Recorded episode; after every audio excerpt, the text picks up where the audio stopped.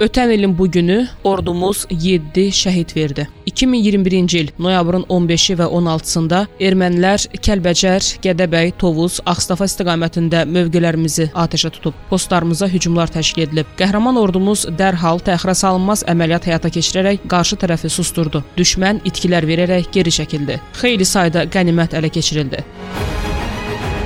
Döyüşlərdə leytenant Niftəliyev Ümid, Gizir Cabbarov Orxan, Kiçik Çavuş Əliyev Natiq, əskərlər Ağayev Elçin, Əlizadə Elmin, Əliyev Elçin, Xəlilov Murad qəhrəmancasına şəhid oldular. Həmçinin 10 hərbçimiz yaralandı. Hərbi analitik M5 Müdafiə və Strategiya jurnalının Qafqaz və Orta Asiya üzrə nümayəndəsi Alparslan İmamqulu həmin döyüşləri belə xatırlayır. Silahlı qüvvələrimizin keçirdiyi qısa bir antiterror əməliyyatları ilə düşmənə gərəkli zayiətlər verdirilmiş və bir sıra strateji əhəmiyyətli yüksəkliklər azad olunmuşdur. Və biz bilirik ki, daha sonrakı mərhələlərdə də bu cür fəaliyyətlər olacaqdır ki, e, bu daha çox düşmən və onun havadarlarının ölkədə sülhə əngəl olması istiqamətində planlaşdırılmış təxribatlar və terror əməlləridir. Təbii ki, Azərbaycan Silahlı Qüvvələri istənilən halda dövlətimizin təhlükəsini təmin etmək adına daima hazırdır və növbəti səfər biz bunu sübuta yetirmiş olduq. İlkin olaraq sərhədlərimizin delimitasiya və demarkasiya prosesi tez bir zamanda baş tutmalıdır